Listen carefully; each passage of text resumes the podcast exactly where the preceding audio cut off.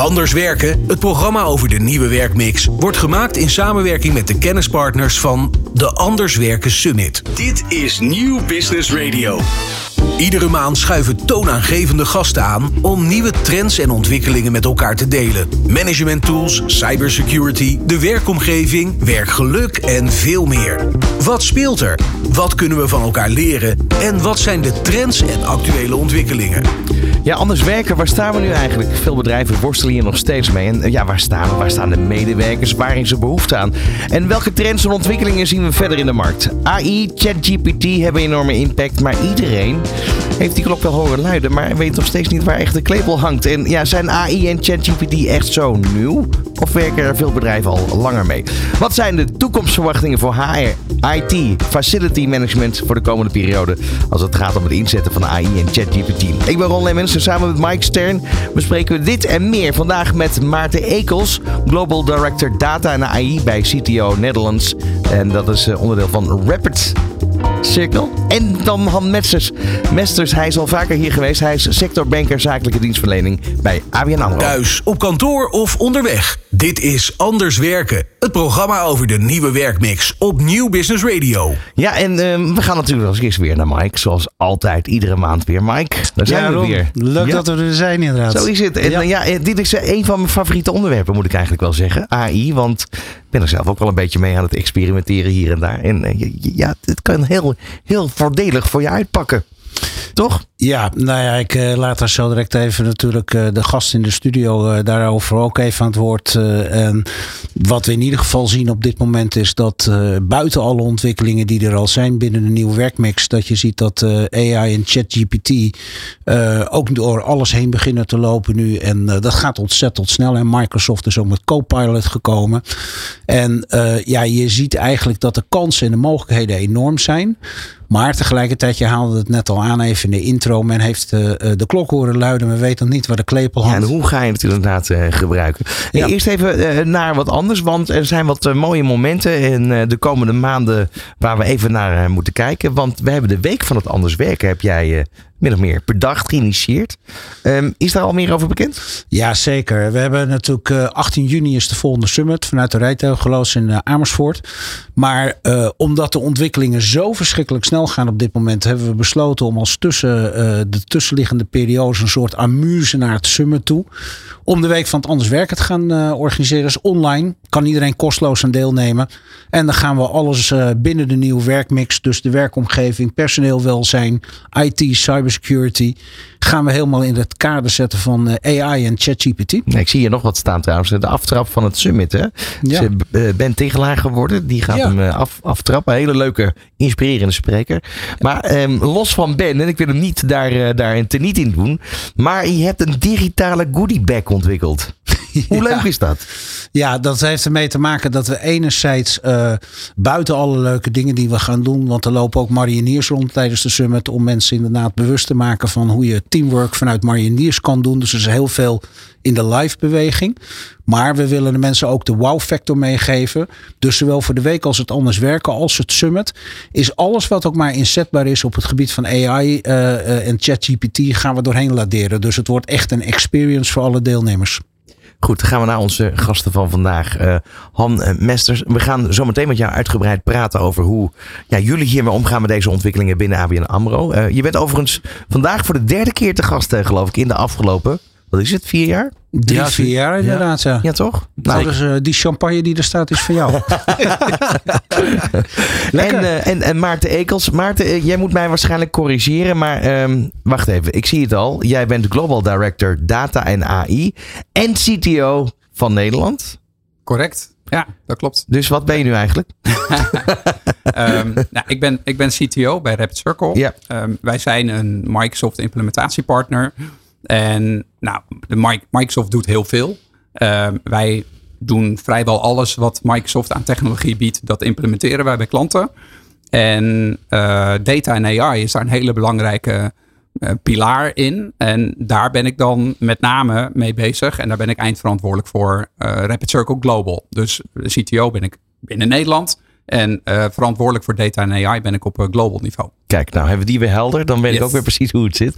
Ehm, eh, ja, AI of AI, wat, wat zeggen jullie eigenlijk? In, in Nederland is het toch wel steeds AI? Toch ja, wel? ik, sowieso in de IT. Hè? Wij zeggen ook geen AI. IT. IT, nee, nee. Dus het is heel. Engels. En je zegt ook data en geen data. Ja, wij, wij wel veel. Maar ik moet zeggen, als we veel bij klanten over de vloer komen, eh, daar wordt er gewoon wel over data en AI, eh, AI of zelfs KI, kunstmatige intelligentie, hè, wordt, ook, eh, wordt ook gebruikt. Ja, artificial intelligence. Ik heb in het begin dat ik ooit voor het eerst dat woord hoorde, best wel moeten oefenen. Ja. Het is gelukt.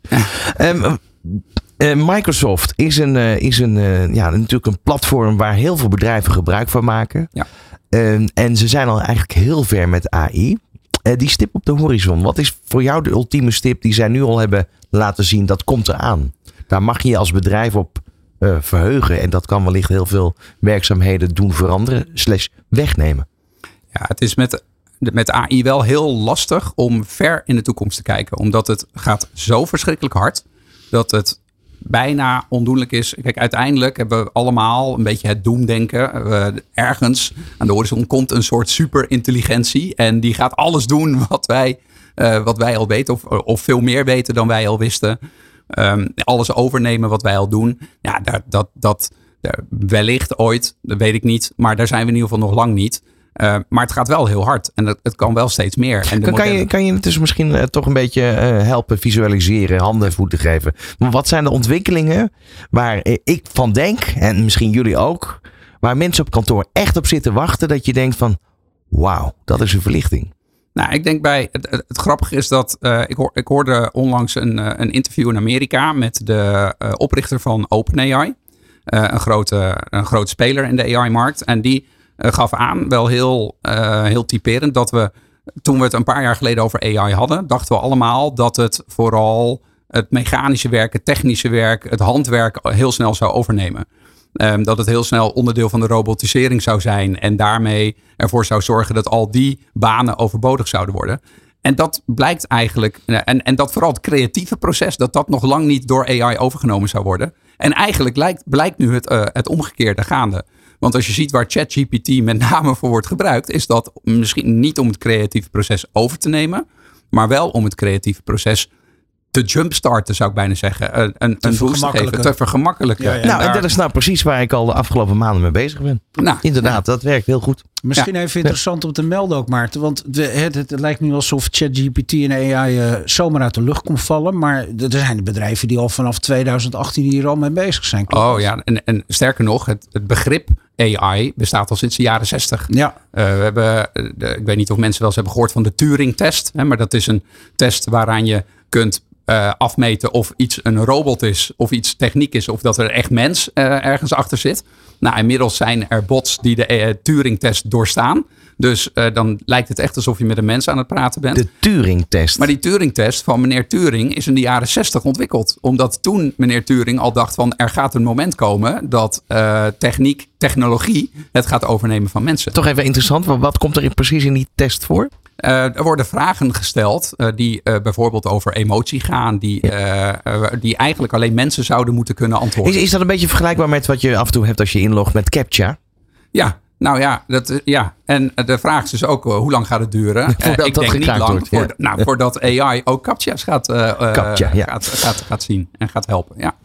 Wat wel weer tricky is, want daar kunnen natuurlijk allerlei kwaaderikken weer uh, gebruik van maken. Ja, want dat is de keerzijde. En dat is natuurlijk ook waar uh, ja, uh, zeg maar in de politiek en de overheden, zowel in Nederland, maar ook in Europa, nu mee bezig zijn. Van hè, hoe gaan we dat in de regelgeving borgen? Dat, dat het allemaal wel goed komt. Ja. want ja, je ziet inderdaad hoe eng het kan gaan. Hè? We hebben hier overigens een foto hangen op de redactie, ook wel heel grappig. En dan heeft iemand een wit blaadje in zijn hand. En daar is dan een, een zwemdiploma in gefotoshopt. Ja. Um, maar dat is zo goed gedaan dat de handen, de vingers, over dat diploma heen zitten. Je ziet dit niet eens meer. Ja. En dat is meneer Turing. Ja, Overigens wel even interessant. Hè? Want uh, de, ik heb vanochtend ook een aantal mensen gesproken. Waaronder uh, Henk Ritmeester, de directeur van Microsoft FIFA. Nou, je ziet dat FIFA eigenlijk heel sterk op AI aan het uh, is als personal assistant, als PA. Dus er is ontzettend veel te halen. Maar wat ook interessant was en te sprake kwam, is cybersecurity. Want NIS 2 zit eraan te komen. Nieuwe wetgeving. En wat je nu ziet is dat cybercriminelen dus ook AI gebruiken om dus in te breken in systemen van bedrijven. Herken je dat, uh, Maarten? Hebben jullie daar ook uh, mee te maken? Ja, de, je ziet al dat, dat criminelen steeds slimmer worden, maar dat ze ook um, uh, op die manier veel gemakkelijker kunnen gaan voorspellen wat er binnen een organisatie gaande is. Dat ze daarop kunnen inspelen. E-mails zien er steeds echter uit. Um, dus ja, dat, dat, dat zien we wel degelijk. Of dat gebruik wordt gemaakt om formulieren te vervalsen die heel erg lijken op originele, dat soort zaken. Wat blijven daar toch de trucjes bij waar ze nog niet zo ver in zijn? Ik kijk vaak naar de afzender. Ja, uh, absoluut. Dat is het allerbelangrijkste. Het e-mailadres waar het vandaan komt. Dat is vrijwel nooit een echt e-mailadres nee. natuurlijk. Of, of een e-mailadres wat in ieder geval niet de domeinnaam heeft van waar het vandaan zou moeten komen. Um, op een mobiel is het al wat lastiger. Daarom als je een e-mail niet vertrouwt, wacht dan eventjes op je laptop. Want dan kun je met je muis over een linkje heen, uh, heen zweven. En dan zie je wat voor een URL daarachter hangt. Vroeger herkende je het heel gemakkelijk aan spelfouten. Nou, tegenwoordig zitten die er steeds minder in. Dus daar, ook daar worden ze steeds slimmer en steeds geavanceerder in. Maar ja, dat is wel uh, de, de e-mailadressen en de URL's zijn wel de twee belangrijkste. Ja. Uh, dan, dan zitten we toch op dat pad. Hè? We hebben natuurlijk biometrie wat, wat steeds beter wordt. Maar in hoeverre is dat door AI straks te kopiëren, te misbruiken? Ja, dat, kijk, de vingerafdruk of de iris-afdruk, uh, de iris-scanner, dat blijft allemaal voorlopig in ieder geval gelukkig nog wel heel erg persoonlijk en, en, en niet of in ieder geval lastig te klonen. Maar stem is al een heel ander verhaal. Ja. Het is al vrij gemakkelijk om uh, stemmen van, van mensen te klonen. We hebben op kantoor nog niet zo lang geleden een, hadden we een seminar over AI. En daar heb ik de aankondiging van dat seminar heb ik laten doen door Bert en Ernie omdat ik gewoon hun stem had gekloot. Oh, dit is trouwens op de radio niet doorvertellen dat ik dat heb gedaan. Maar, uh, jij dat? Ja, ja. maar dat, dat kan dus. Je kunt dus gewoon heel gemakkelijk stemmen klonen. Je downloadt iets van YouTube, je zet die stem erin. Uh, de AI leert heel eventjes en daarna kan je die stem hergebruiken.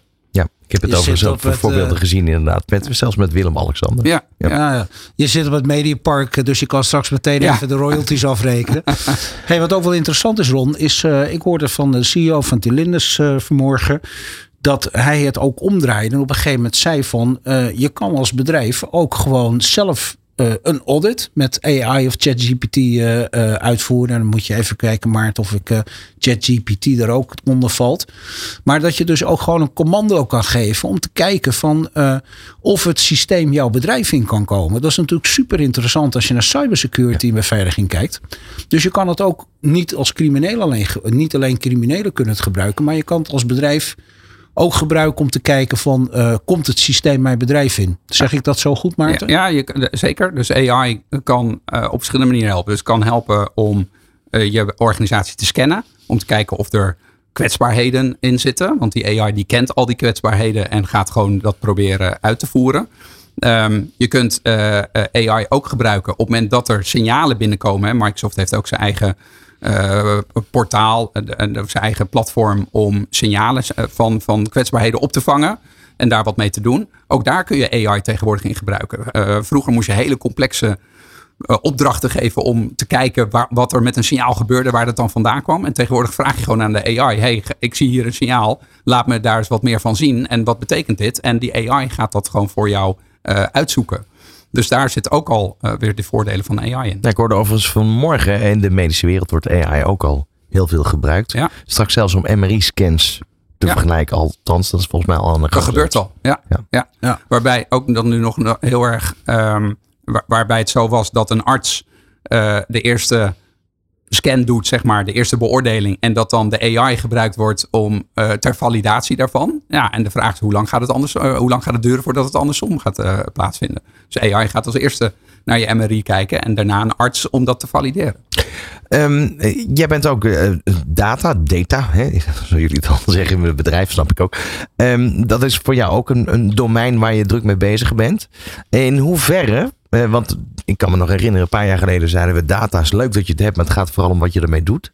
Ja. Uh, in hoeverre kan dat dan elkaar, zeg maar, elkaar versterken? Ja, heel erg. Um, ik denk dat AI is bij uitstek zo'n platform waarbij, waarvoor geld rubbish in is rubbish out. Uh, dat zeiden we vroeger al over data. Uh, toen gebruikten we misschien wat minder vriendelijke woorden. Rubbish is nog een redelijk netjes omschreven. Um, maar dat geldt wel voor AI. Dat zie je overigens dat zie je ook al in, bij ChatGPT bijvoorbeeld. Hè? De, de data waarop de meeste large language models, de LLM's, die onderliggend aan, aan de, de GPT's van deze wereld zitten. Uh, waar, de data waarop de meeste van die modellen zijn gebaseerd, is data met veel witte mannen bijvoorbeeld. en heel veel wat er in de westerse wereld gebeurt. En veel minder wat er op andere plekken in de wereld gebeurt. Of met andere etniciteiten of, of wat dan ook.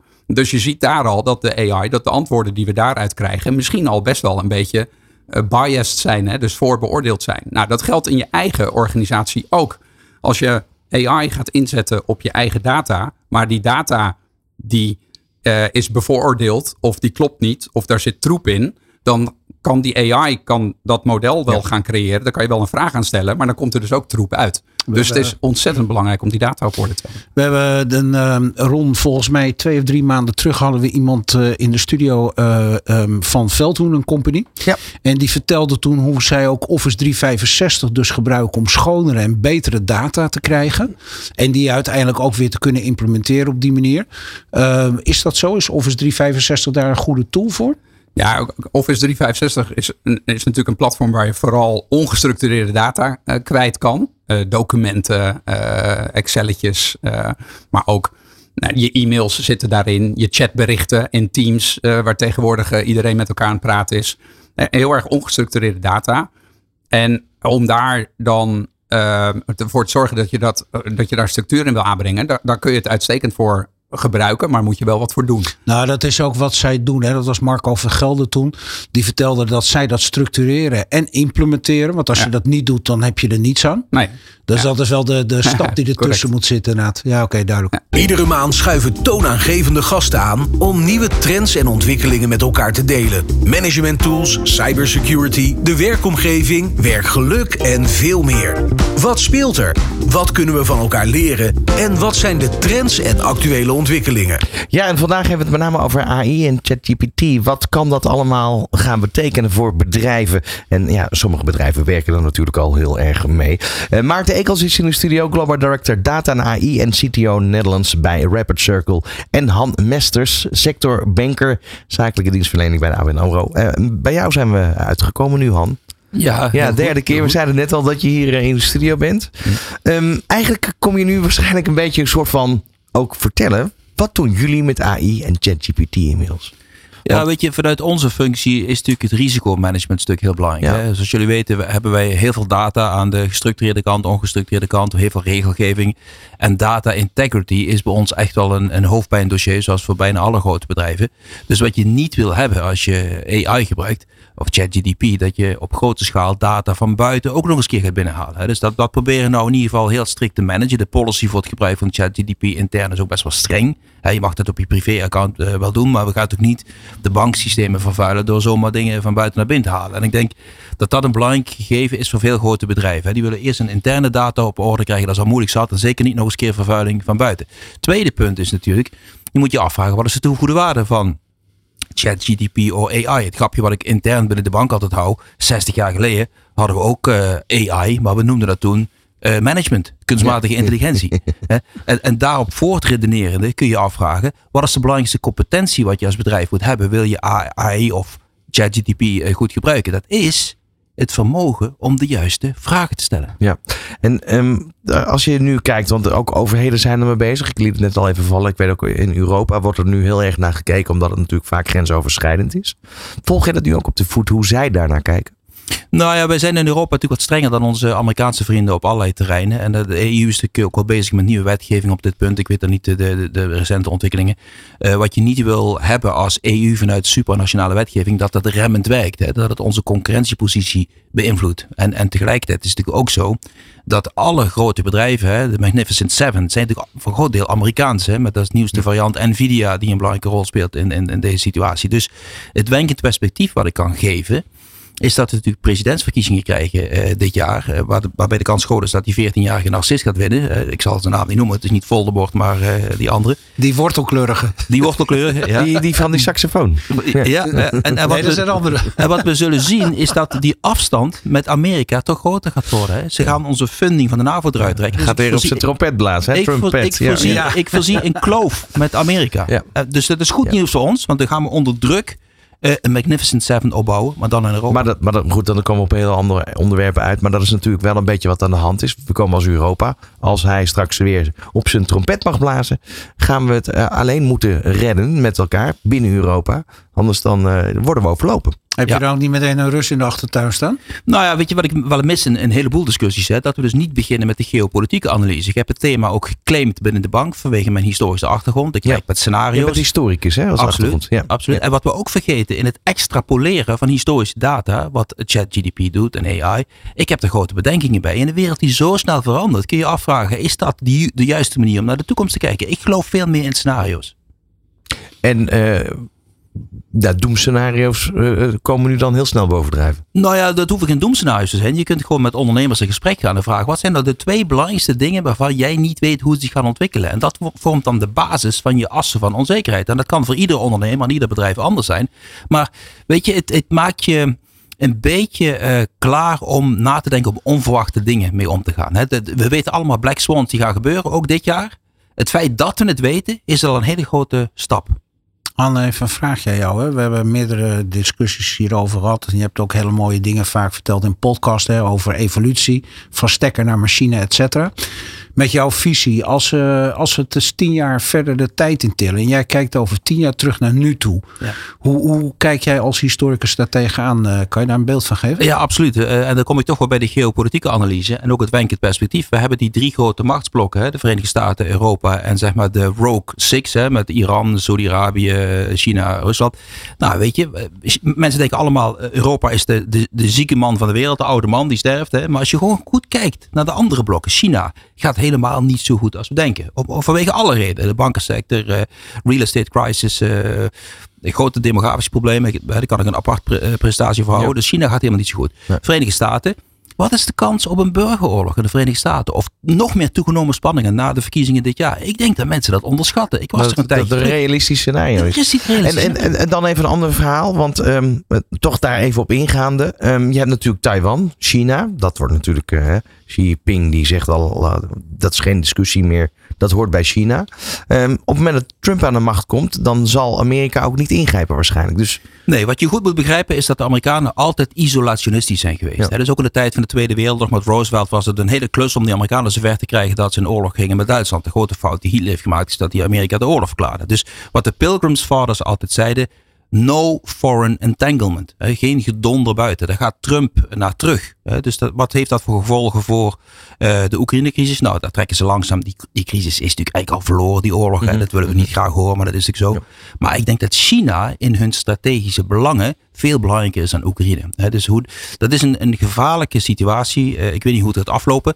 Maar als ik mijn verhaal met die machtsblokken even kan afmaken. China gaat dus niet goed. De Verenigde Staten is instabiel. Dus relatief gezien is die oude zieke man in de wereld, Europa, die doet het eigenlijk hartstikke goed. Ondanks alle uitdagingen die we hebben. Wij hebben namelijk iets gecreëerd waar we menselijke rechten borgen. En ik weet van de mensen die niet vanuit Europa komen, die bij ons werken, dat ze gewoon objectief hun huiswerk gedaan hebben. Ik heb drie plekken waar ik werk. Barcelona, Berlijn, Amsterdam.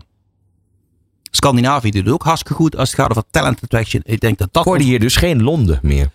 Londen is nog steeds een enorme hub. Um, heel populair bij heel veel mensen. Maar Londen is natuurlijk geen Europa meer. En, en nee, zeker, nee, absoluut. Dus vandaar de vraag ook eventjes expliciet daarna. Um, wat betekent het nu eigenlijk? Want ja, uh, ABN AMRO is natuurlijk actief van over de hele wereld. En dan weer het vraagstuk met AI en ChatGPT. Want ook daarbij zeg je van, nou, we, we scheiden ons als Europa min of meer af van de Verenigde Staten. Terwijl dat natuurlijk economisch gezien uh, ja, een drukte van je welste was over en weer. Nou ja, goed, maar dan, dan verwijs ik even naar de Q3-cijfers van ons land die we recentelijk hebben gezien, de meest recente. Hè, dus de uh, bruto nationaal product groeien. Wat zag je daarin voor de eerste keer? Dat zowel export als import aan dalen waren. Dus wat je eigenlijk ziet is een post-globaliseringswereld. En dat uh, vertaalt zich naar minder handelsgoederen, wereldwijde handel ook minder wereldeconomische groei. En als een open economie als Nederland hebben wij daar last van. Dus wij, wij, gaan te maken krijgen met krimp in onze export en import. En, en uh, het, feit daarvan, hè, dan komt toch weer de AI, dat hele verhaal op en neer. Uh, dan zie je dat Europa gaat naar zichzelf toekeren, terugkeren. Dat zie je ook in de farmaceutische industrie, waarbij we in een coronatijd gezien hebben dat uh, ja, we heel erg afhankelijk waren van met name Aziatische landen lees China. Ja. Um, daar worden nu, uh, daar wordt op geanticipeerd, worden fabrieken in Europa neergezet, zodat we die, die afhankelijkheid minder hebben. Ja. Ehm, betekent dat eigenlijk dat, dat Europa aan zich dan weer voor ABN AMRO ook een economisch weer interessanter is om daar de focus te leggen? Nou, weet je, de, de beginopmerking van je dat we wereldwijd op, uh, actief zijn, dat was zeker zo in de tijd van Groeningen. Toen we 120.000 man wereldwijd hebben. Nu hebben we 18.000 man, zijn we Northwestern Europe ja. Bank. Hè, dus we zijn niet meer zo wereldwijd aanwezig. Maar wat er gebeurt is exact wat er gebeurt. Je ziet dat die machtsblokken ook, uh, omdat ze hun eigen dingetje gaan doen, autarkisch worden. Toegang tot uh, rare earth metals, chiptechnologie, voedsel. Al die blokken schakelen op dat moment op, op dat niveau. Dat geldt ook voor de EU. En dat geeft ook heel veel kansen voor ons. Dat betekent dat de welvaart omlaag gaat. Hè. Dat is nou eenmaal een gegeven. Als je afsluit van economische ontwikkelingen buiten je, gaat de wel. Maar is dat erg? Want het duurzaamheidsdossier vliegt er ook nog eens een keer keihard doorheen. Even een vraagje trouwens ook even aan Maarten. Als je naar dit soort dingen luistert en je hebt het echt over Europa. Uh, en misschien zelfs specifiek Nederland. Want mensen weten dat heel vaak niet, maar dat wij qua uh, zeg maar internet enorm veel uh, aansluitingen hebben, eigenlijk per bevolkingshoofd ten opzichte van andere landen. Dat we met heel veel dingen vooruit lopen. Is dat met AI en ChatGPT ook zo? Of zijn er andere landen die daar de voortrekkersrol in spelen? Nee, ik denk aan de consumerende kant sowieso. We lopen we in Nederland heel erg vooruit. Het gaat om, denk ik, alles wat met cloud-technologie te maken heeft. Daar, daar zijn we echt frontrunners in, in de wereld in. Um, maar als het gaat om de technologie daaronder, zijn we wel enorm afhankelijk van Amerika. dus uh, Nvidia werd net al even uh, aangestipt. Ja, die, uh, als je daar een paar jaar geleden aandelen in had gekocht, dan, dan zit je goed. Want die leveren de GPU's uh, die we allemaal nodig hebben om alle, alle AI te kunnen leveren, om de AI-technologie te kunnen leveren. Even voor de luisteraar, wat is een GPU? Een, een GPU is, uh, is een Graphic uh, Processing Unit. dat is de, de grafische tegenhanger van een CPU die in een PC zit, die eigenlijk in een grafische kaart ook zit. Dus is ook ooit ontwikkeld voor grafische kaarten. Dus gamers, die, mensen die veel games, spelletjes spelen, die weten precies wat een GPU is. Want die hebben een hele zware GPU nodig. En wat blijkt nou? De complexe berekeningen die zo'n GPU kan doen om de beeldopbouw voor zo'n spelletje te genereren, die zijn ook uniek en heel goed inzetbaar voor AI. Dus om uh, de, de antwoorden te sturen op de, op de vragen die je, die stelt, maar ook om de modellen te ontwikkelen. En daar worden GPU's voor, uh, voor ontwikkeld. Nou, die komen, de designs komen allemaal uit Amerika. Grappig is dat we in Nederland weer de grootste producent ter wereld hebben staan van, uh, van degene die de apparaten maakte om die chips te die, maken. Uh, Veldhoven. In die, Veldhoven, uh, ja. precies. ASML. deze week nog in het, uitgebreid in het nieuws ja. ook. Um, dus ja, we hebben wel wat dat betreft natuurlijk ook wel weer wat wat, wat instrumenten in handen om daar zelf wat mee te doen. Maar de investeringen die je moet doen om zo'n fabriek op te zetten, ja, die zijn huge. Die zijn echt ongelooflijk. Misschien ook één comment over de Europa-US uh, controversy en wie loopt er voorop. Vriendje van me is Nico Baken, hoogleraar Eindhoven, nauw betrokken bij ASML. Zoals jullie weten zit ASML aan het uiterste van wat je nog aan printbanen kunt verkleinen. Ze lopen tegen de grens aan van die techniek. Ja. Nico Baken heeft zich gericht op fotonen gebaseerde chips. Dat is de volgende stap. Wij hebben daar een voorsprong van drie jaar op de rest van de wereld. Dus het is natuurlijk zo hè, dat het schaalbaar maken van bedrijven zoals Apple en Nvidia, het voorbeeldje dan. Dat is absoluut een Amerikaans spelletje, dat doen ze hartstikke goed. Maar echt zeg maar de NatLab ex Philips expertise, de denkkracht. Ik denk dat Philips zou willen dat ze ASML nog oh, in hun portfolio hadden. Ja, ja. ja. Even een hele andere vraag, Han. Wat jullie als bank doen. Hè? Jullie maken heel veel extrapolaties. Kijken vooruit in de tijd. Proberen dat in modellen onder te brengen. Als we nou kijken waar we nu zitten. En eigenlijk ja, wat ook een beetje de, de, de, de, zeg maar de rode lijn van het programma is. Um, het anders gaan werken. Nou, dat heeft nogal een enorme impact. Um, uh, we zitten in een soort uh, limunale fase. Zeg, spreek het goed uit? Overgangsperiode. Limunale fase. Ja, limunale fase. Ja, dat is een, een uh, variant op die we vorige keer ja, Ik wou net zeggen, dit, is weer een, dit mag ik op mijn lijstje erbij zetten. Ja, de, limunale fase. Daar kwam Paul Gerards van het NCD mee. Die noemde dat. Ik zeg, oh, dat moet ik okay. even onthouden. Um, die overgangsperiode die wij nu hebben. Hoe, wat voor impact heeft dat in? Hoe kijken jullie daar als, als, als belangrijke speler in de markt, als bank naar? Ja, dat is een goede vraag. Dat is inderdaad een belangrijk onderdeel van mijn werk. En wat je ziet, hè, we praten ook heel erg over technologie, maar bepalend is natuurlijk de interactie tussen mens en technologie. En wat is er in, in corona gebeurd? Er is een recent boek uit van Gallup. En dat heet Culture Shock. En die mannen die verwoorden precies mijn gevoel toen ik in mijn keldertje zat in Amsterdam-Zuid tijdens corona. Wat is namelijk de essentie van werkgever, werknemer, leiding en toezicht. En die was er bij mij niet. Dus we zijn, ik dacht, we zijn allemaal een beetje ZZP'er geworden. En zo de knets. Wat is de ondertitel van dat boek? Uh, your workers have become independent contractors. dus die binding is een stuk losser. Tel daarbij op een structureel tekort op de arbeidsmarkt. Wat gaat aanhouden, ook vanwege demografische redenen. En bedrijven zitten natuurlijk met de handen in het haar. Want de beer is los. En mensen komen minder naar kantoor dan vroeger. Dus hoe hou je die binding intact? Hè? En, en hoe hou je, denk ik, eh, eh, alles op koers? Want ik kan me ook voorstellen dat doordat je dus uh, eigenlijk onafhankelijker voelt als medewerker, dat je daardoor ook veel meer zelf de koers wil bepalen. En, en daardoor is het stip moeilijk, schip moeilijker te besturen. Absoluut. Wat, wat is namelijk het ontbrekende element nog? Hè? De, de kandidaat onderzoek van Paul Polman onder generatie Z en millennials heeft gevraagd wat voor soort bedrijf wil je werken? Nou, we weten allemaal, duurzaamheid speelt een grote rol, maar het gaat veel verder. Polman kwam in die survey erachter dat jonge uh, werknemers ook zoeken naar een verbinding op waarde- en normenniveau uh, voordat ze ergens gaan werken. En, en, en, en, daarbij is wat jij een keer eerder vertelde, is management, is die binding met die generatie kwijt. Ja. Dus daar heb je geen herkenning meer, daar kan je niet op inspelen. En even dan terug naar, naar waar we het eerder over hadden. En dan kijk even naar Maarten. Zou AI daar een rol in kunnen spelen om die onboarding en die binding en dat faciliteren om dat te helpen? Nou, misschien op bepaalde vlakken wel. Ik denk dat, kijk, AI gaat vooral helpen in, um, in, in productiever worden, in, in uh, nou, wat we, het creatieve proces um, jumpstarten, daar hadden we het uh, al even over. Um, maar om de, om de jongere mensen, ik denk wel dat ze, zij zijn natuurlijk veel meer gewend om daar gebruik van te maken. Dus op het moment dat je dat soort tooling kan aanbieden aan de jonge werknemers, dat gaat helpen.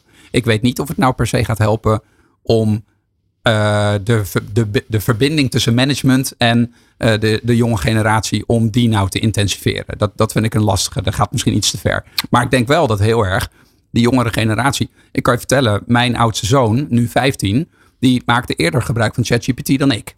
En die was daar al mee bezig op school.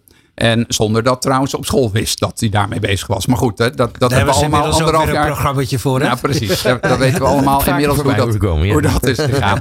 ja. um, maar goed, die is daar wel die is daar hartstikke erg mee bezig. En die gelooft daar ook in. Die gebruikt het inmiddels ook hè, voor samenvattingen maken, waar het natuurlijk uitstekend voor geschikt is.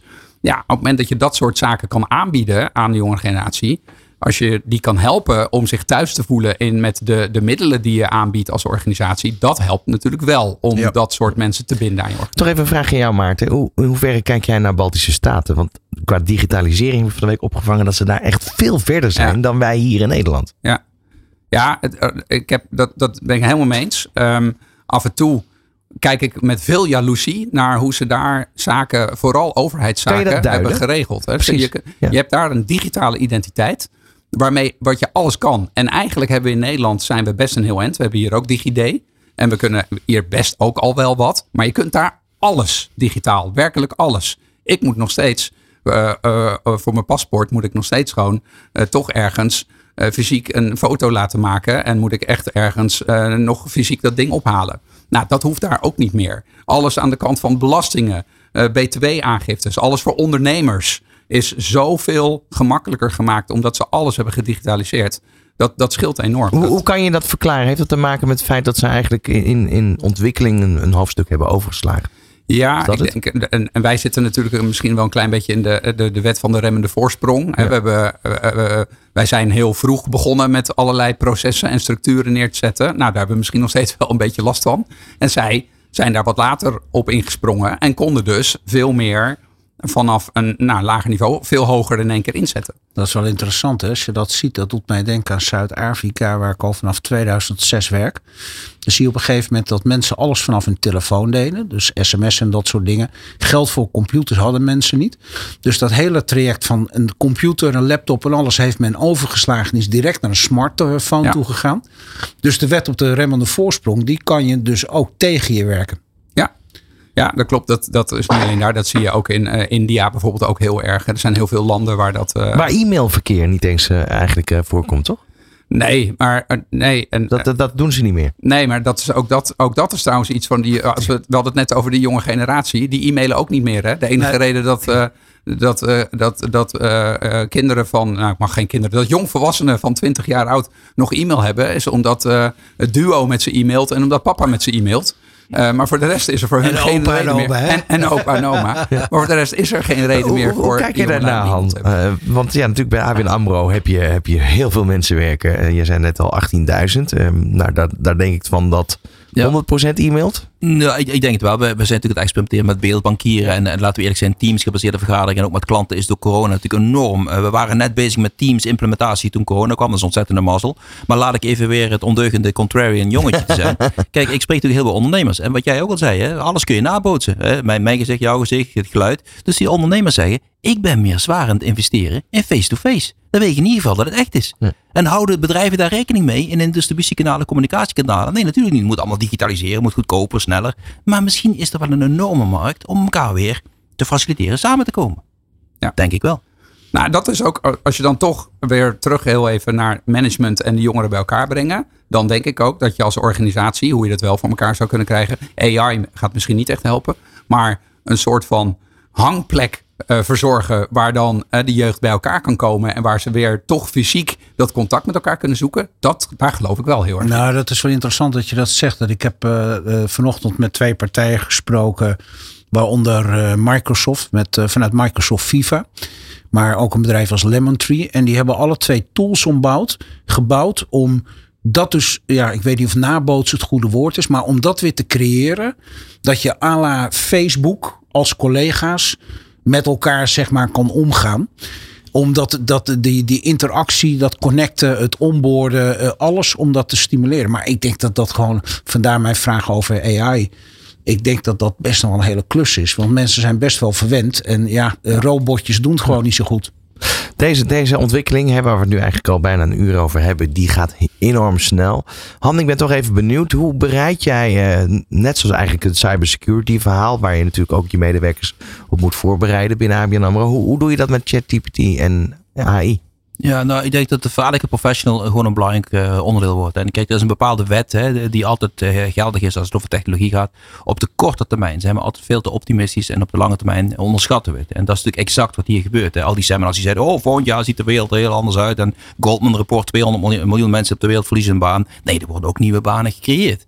Hè, dus wa- wat je wel ziet in, in zeg maar, dat eh, technology drives out purpose. Eh, dus simpele banen, repetitief dingen gaan verdwijnen. Het gaat heel veel maatschappelijke eh, gevolgen hebben. Maar voor alle professionals geldt dat de vakkennis een gegeven wordt en dat het verschil zit in de interpersonal skills. En dan is de volgende vraag: wat kan AI doen in het versterken of compenseren van personal, interpersonal skills? Ik denk dat weten we nog niet, maar dat is wel de- waar het om gaat. Maar goed, ik denk wel dat heel veel randzaken waar, waar nu heel veel tijd in gaat zitten, dat wordt straks in principe door AI overgepakt. Eh, we hadden het net al over hè, notules maken, to-do-lijstjes bijhouden, het versturen van wie welke taken moet oppakken. Ja, maar ga je daar de oorlog mee winnen? Het zit hem toch in die intermenselijke Nee, maar ik bedoel te zeggen, dan, dan wordt dat deel wordt, wordt eigenlijk eh, weggezet. Absoluut. Dat wordt gedaan voor je. Ja. Waardoor je dus wel weer meer ruimte zou kunnen overhouden voor die interactie eh, op menselijk eh, Absoluut. niveau. Als, als tegenargument zou- Ja. zou ik willen geven, hè, we zijn bezig in een proces dat we zeg maar, bankiers strategic advisor maken. Dat zijn vakmensen die weten heel veel van financiering. Die moeten nu een strategische dialoog gaan voeren met klanten. En ik kom in heel veel sectoren kom ik die uitdaging tegen. En dan zie je dat dat heel moeilijk is. Ja, dus om het vermogen om een strategische discussie met een klant te hebben. Dat betekent een grote referentiekader, betekent eh, discussietechnieken, interactietechnieken. Dat is allemaal niet zo moeilijk aan te leren. Sommige mensen zullen zeggen, je kunt van een kikker kun je nooit een prins maken. Hè, dus iemand die van nature die interpersonal skills niet heeft, ik, ik noem maar even. AI kan dat.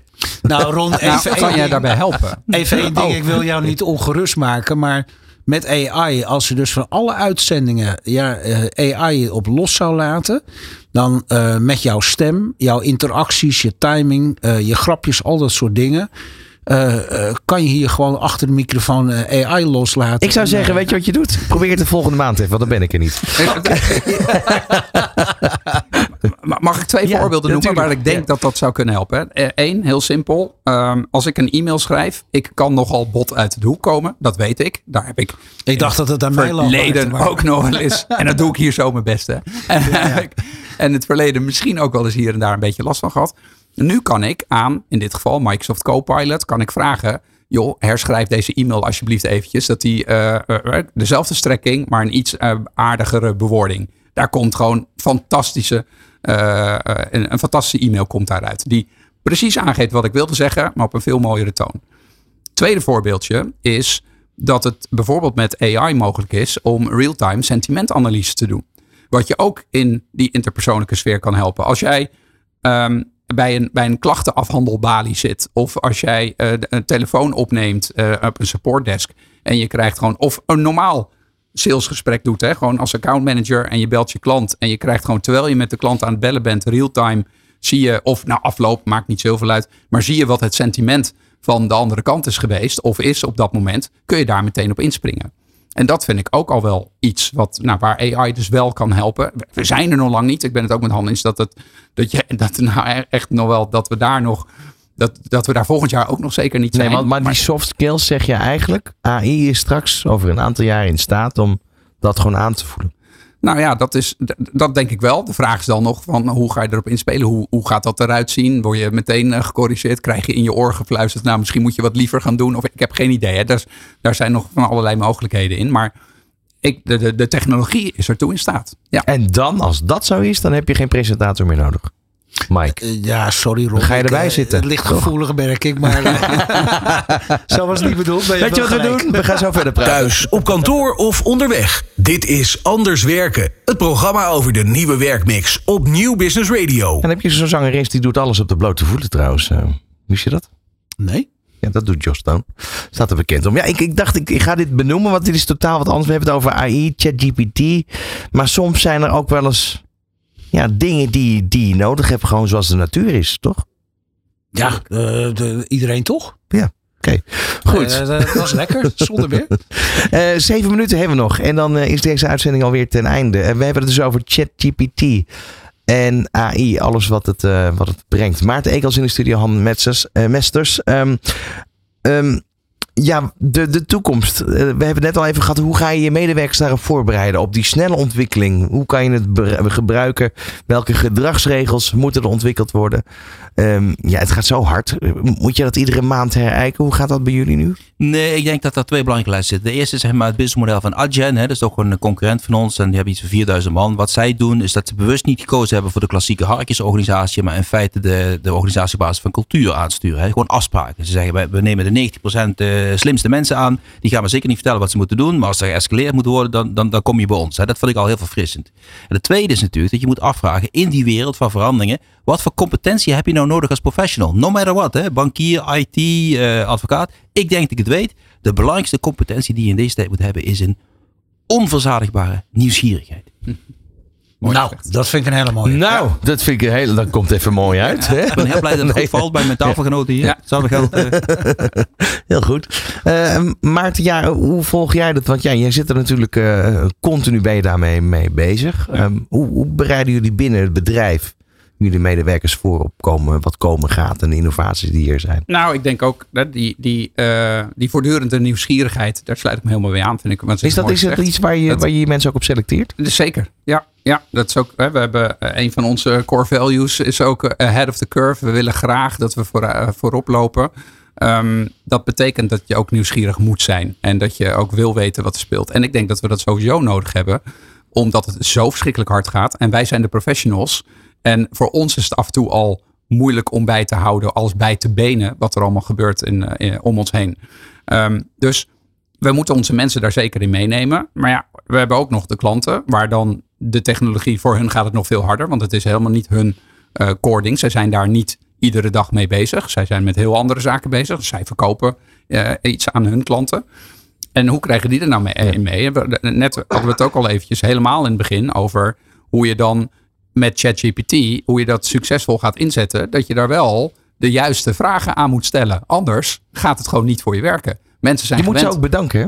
Nou, je moet, nou, sterker nog, je moet aardig Nee, zijn. Je hebt, je moet, precies aardig zijn. Je hebt, het, je hebt het juiste antwoord gegeven. Dankjewel. Nou, en kun je me alsjeblieft helpen met dit en dit? En dat klinkt heel stom. Waarom? Het is toch technologie? Waarom moet ik nou aardig zijn? Nou, er zit wel een reden achter. De modellen die ge- gemaakt zijn aan de achterkant, de large language models, hadden we het al even over. Daar zitten die, die, die zijn gebouwd niet alleen op alle vrolijke data op het internet. Die zijn ook gebouwd op alle wat minder vrolijke data op het internet. En op het moment dat jij tegen de ChatGPT of tegen een andere GPT-achtige bot uh, vervelend gaat doen, dan gaat die dus ook de duistere kant. Klinkt een beetje zwaarmoedig, maar die gaat de andere kant van het LLM. Je moet hem eigenlijk weer nog meer opvoeden. Nou, ja, precies. Ja, dus het is toch, toch een beetje de De context helpt dus in, in, in het resultaat wat je terugkrijgt. Ja. Uh, wat nu natuurlijk ook aan de gang is in Nederland, is men aan het werk aan supercomputers te bouwen, quantum computing. Wat kan dat voor ons gaan doen in dit kader?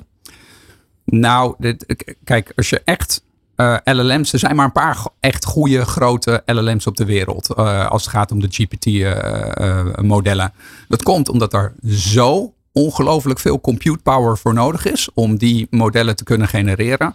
Dat kan iedere gemiddelde organisatie, en zeker in Europa en, en, zeker in Nederland zijn de organisaties wat minder groot dan, dan de echte globals. En die hebben daar niet het geld voor, of in ieder geval niet uh, de prioriteit voor om dat zelf allemaal te gaan, uh, te gaan lopen doen. Dus je hebt daar gewoon echt supercomputers voor nodig. En dan is de vraag of ga ik daar de supercomputer voor inzetten. Maar um, het feit dat je supercompute power nodig hebt om zelf modellen te kunnen genereren, ja, dat, dat klopt wel. En ja, de, de, de, de cloud is natuurlijk één grote supercomputer en die kun je ook weer opschalen en afschalen.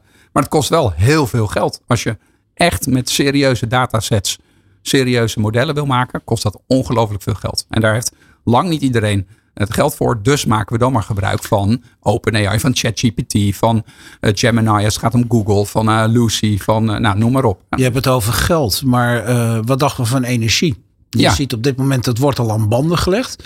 Ja. Iemand vertelde mij dat de, zeg maar, de kostprijs van een opdracht in ChatGPT uitzetten, korte opdracht, staat gelijk aan twee flesjes spa blauw water. Ja. Ja. Als wij die capaciteit niet hebben, dan gaan we ergens vastlopen dus. Ja, dat is, dat, nou, het voelt niet goed. Het feit dat we, dat we aan de ene kant allemaal bezig zijn met duurzaamheid en dat we allerlei doelen stellen, waar ik het overigens helemaal mee eens ben en waarvan ik vind dat we eigenlijk nog veel meer vaart zouden moeten maken. Maar um, ja, dat, dat, dat, dat hebben, daar hebben we mee te maken. En dan is uh, AI kost zoveel power en, en daardoor ook CO2-uitstoot, uh, emissies, et cetera. En dat voelt niet goed. Aan de andere kant kan AI ons ook helpen om juist die duurzaamheidsslag te maken en om modellen te bedenken die daar in, ons in kunnen helpen. Ik wilde net zeggen, vraag het aan hem. Ja, aan, aan, als ik daar een klein beetje mag aanvullen. Want die, ja, tot slot. Ja. Die, die, nieuwe generatie uh, fotonenchips die daar aankomen, die, die gebruiken significant minder energie. Dus het hele enorme toename in gebruik van data warehouse en alles wat met data heeft te maken, dat kan door technologie gelukkig dan opgelost worden. Ik wil jullie allemaal hartelijk danken voor uh, de komst naar de studio. Kunnen hier volgens mij echt nog uren over doorpraten, maar... Uh, zit er bijna op, Mike. Ja, nou inderdaad. En we gaan uiteraard vanuit de Anders Werk Summit uh, hier kort op de bal en veelvuldig op inspelen de komende periode. Want ja, ik denk dat we hier dagen met elkaar nog over kunnen praten. En er nog heel veel staat aan te komen waar we het over kunnen hebben. Vandaag de gasten Anders Werken. Maarten Ekels, Global Director Data en AI en CTO Nederland bij Rapid Cycle, Cycle en Han Metzers. Hij is sectorbanker zakelijke dienstverlening bij ABN AMRO. Tot zover deze uitzending van Anders Werken. Graag tot de volgende. Thuis, op kantoor of onderweg. Dit is Anders Werken. Het programma over de nieuwe werkmix op Nieuw Business Radio.